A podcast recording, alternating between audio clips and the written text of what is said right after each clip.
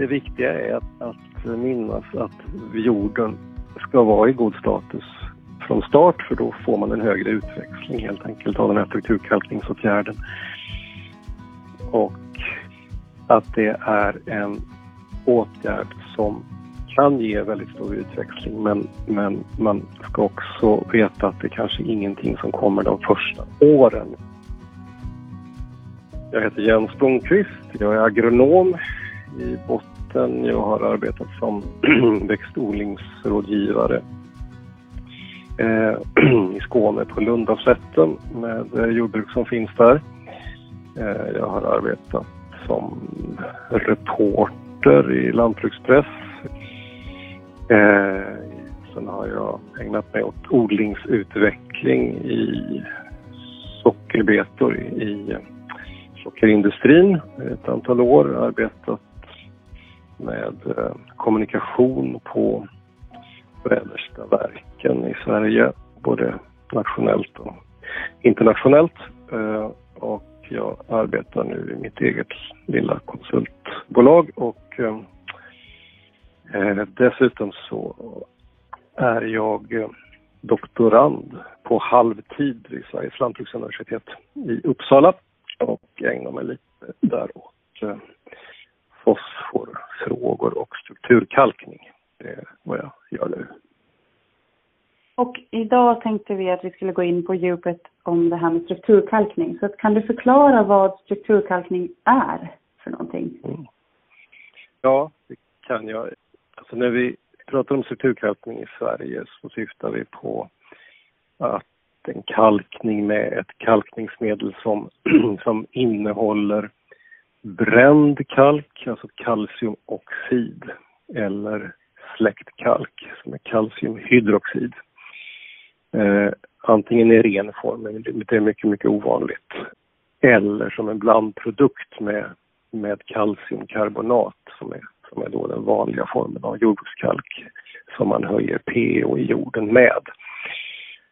Så det, den, den absolut överväldigande majoriteten av strukturkalkning sker med just sådana här blandprodukter. Det finns ett, ett antal på marknaden eh, och de innehåller normalt 15-20 procent släktkalk och resten då 80-85 procent kalciumkarbonat.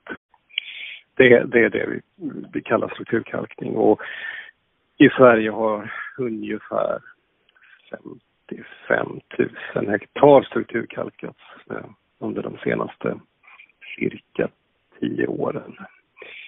Eh, och det går hand i hand med ett, eh, ett stöd som finns i Sverige som heter LOVA, lokala vattenvårdsåtgärder, som i sin tur är en konsekvens av EUs vattendirektiv som fattades beslut om för ganska länge sedan och som, som då implementeras i olika länder inom EU. Vad är det som kalket gör i jorden? Alltså, det bygger på, strukturkalkning bygger på att, att uh, kalken reagerar med lerpartiklar som då är den finaste partikelstorleken i, i mineraljordar. Uh, så en förutsättning för att man ska få en, en reaktion i jorden är att den den innehåller en viss del ler. Så det är ler och kalcium som, som, som reagerar med varandra.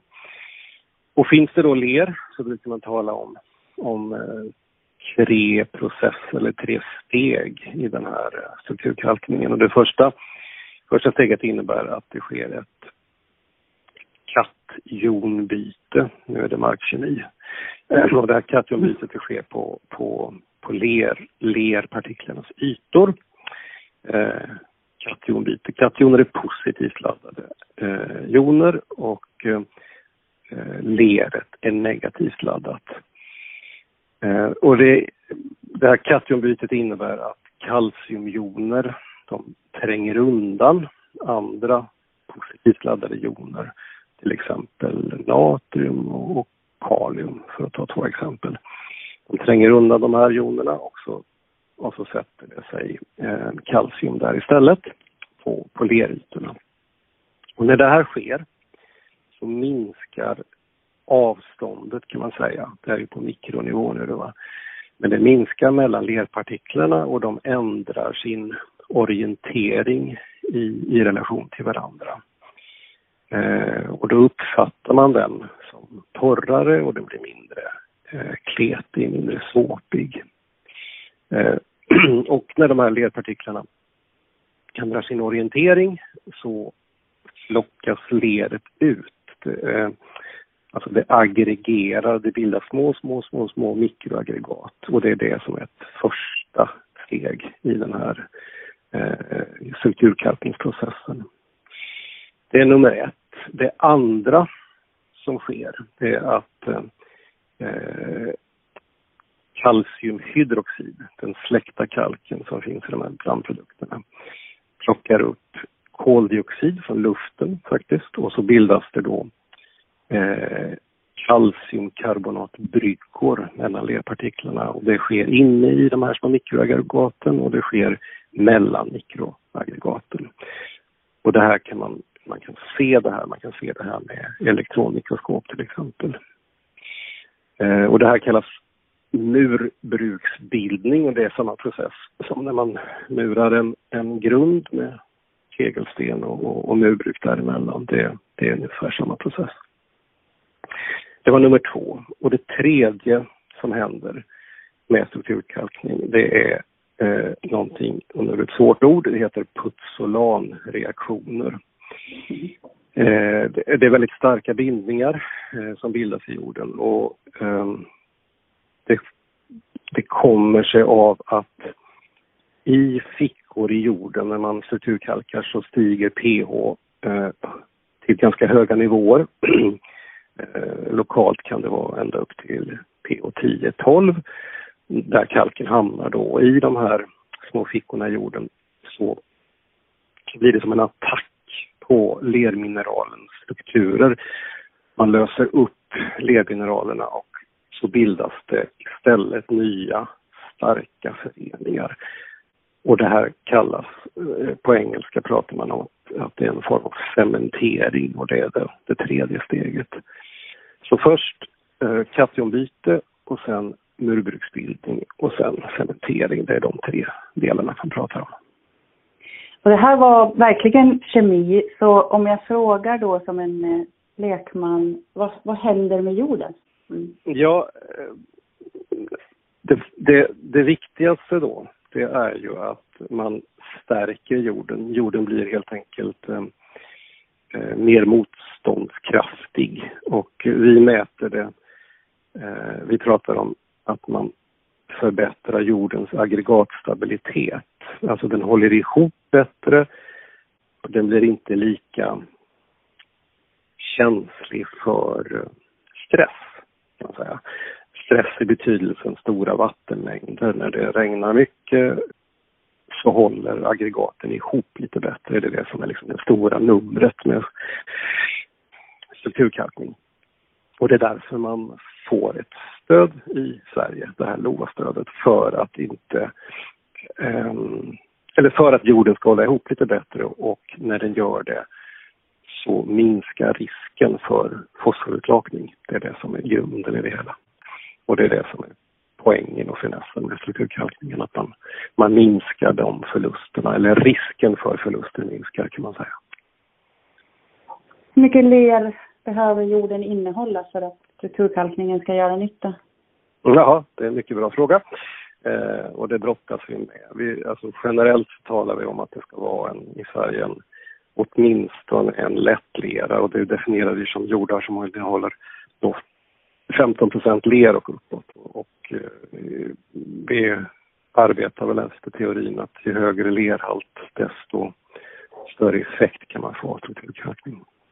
Men det är, det är mer komplext än så. Hur går det till när man strukturkalkar? Hur ser det ut för eh, lantbrukaren som ska göra strukturkalkning på sina marker? Hur ska man tänka? Mm. När ska man göra det? Och... Mm.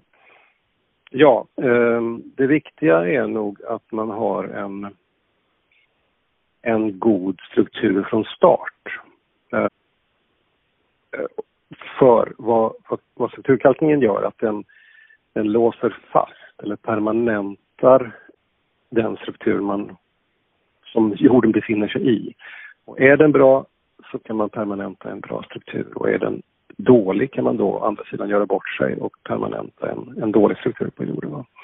Och jag har sett exempel på båda två. Så en utgångspunkt är en, en bra status på jorden och det innebär i, i, i Sverige har det eh, ofta, eller blivit så de senaste åren, att det är efter höstraps. Eh, det är en tidigt mognande gröda, jorden är torr. Eh, men det går också bra efter ett vallbrott till exempel. Ehm, men en, en, status på jorden som är god helt enkelt. Och det innebär framför allt att man måste ha en, en, en dränering som fungerar. Va? Alltså den måste torka ut jorden annars eh, så är det dåliga odds. Så torr jord, fungerande dränering och varm jord eh, är också viktigt och det har vi i fältförsök i Skåne där jag har min bas, där har vi sett skillnader som är mätbara på spridning i augusti, en månad senare, i mitten på september. Vi får en bättre effekt helt enkelt av samma mängd strukturkalk om vi, om vi sprider den eh, tidigt jämfört med att sprida den sent. Eh, och sen det, en annan sak som är jätteviktig är att man, att man blandar in kalken noggrant eh, och då har det ut, utkristalliserats en grundregel att man kör minst två korsande överfarter mellan kultivator på något sätt till det djup som man normalt annars bearbetar. Ehm, och hellre lägga mycket krut på att, ehm, att köra kanske en tredje gång än att göra någonting annat, för det där har man ofta tillbaka i, go i god effekt på strukturkvalitet. Kan man säga hur mycket man kan få fosforavrinningen att minska? Mm. Det, det kan man, man kan, eller så här. Vi har ett indirekt mått på risken för fossilförluster. Och, och nu blir det komplicerat igen då eller um, vi mäter på de här aggregaten som vi plockar in från fält så mäter vi något som kallas turbiditet. Och det är i princip så är det grumligt vattnet. Det är på eh, vatten som rinner av från de här jordaggregaten. När vi duschar dem med vatten i en, i en regnsimulator. Så vatten på i en fin dusch och sen så på aggregaten, under aggregaten så mäter vi, plockar vi upp vatten och så mäter vi hur grumligt det är. Va? Eh, och den här grumligheten är då ett indirekt mått på hur mycket lerpartiklar som lossnar från aggregaten och är det klart vatten eh, så är det lägre fosforförluster och är det grumligt vatten så är det högre fosforförluster. Ehm, det, finns en, en koppling däremellan.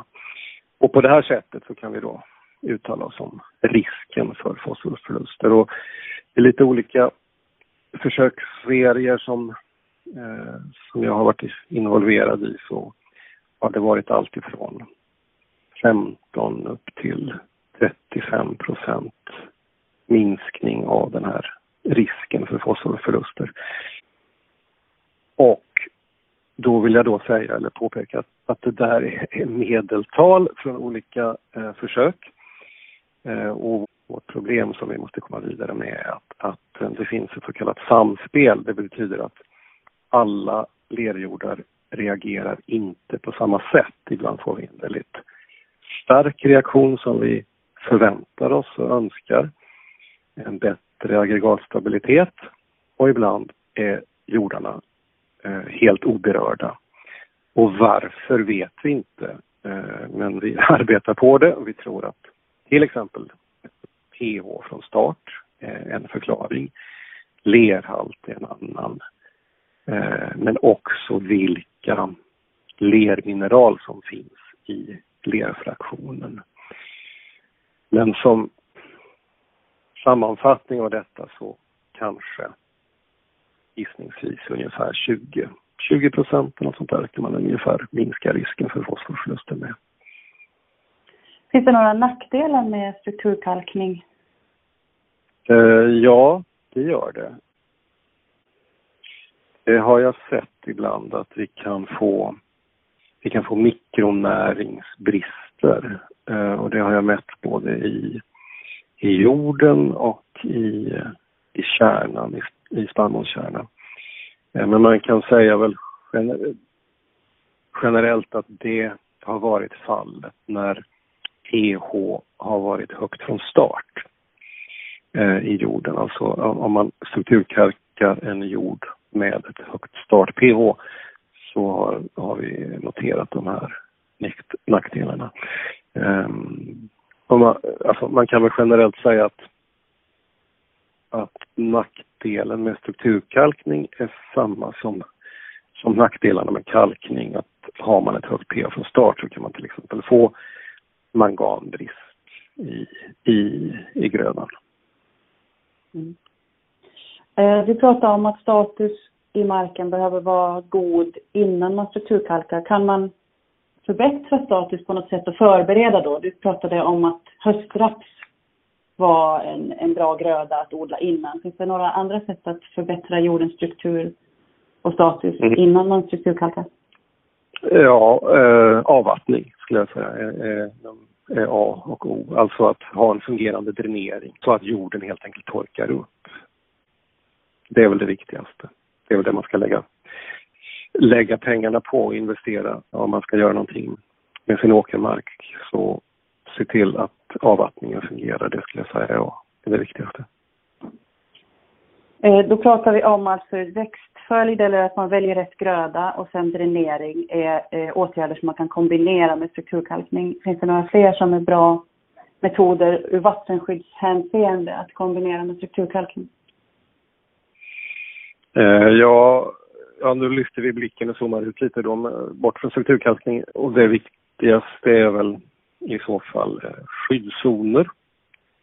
Eh, alltså kantzoner med gräs till exempel som fungerar som stopp eh, då för avrinning, ytavrinning från åkermark. Eller, vilket också ju förekommer i Sverige, alltså fosfordammar där där vatten får sedimentera och man, och man sen tar hand om, om sedimentet där det innehåller, som innehåller mycket fosfor. Bra, jag börjar vara nöjd. Har jag missat någonting viktigt?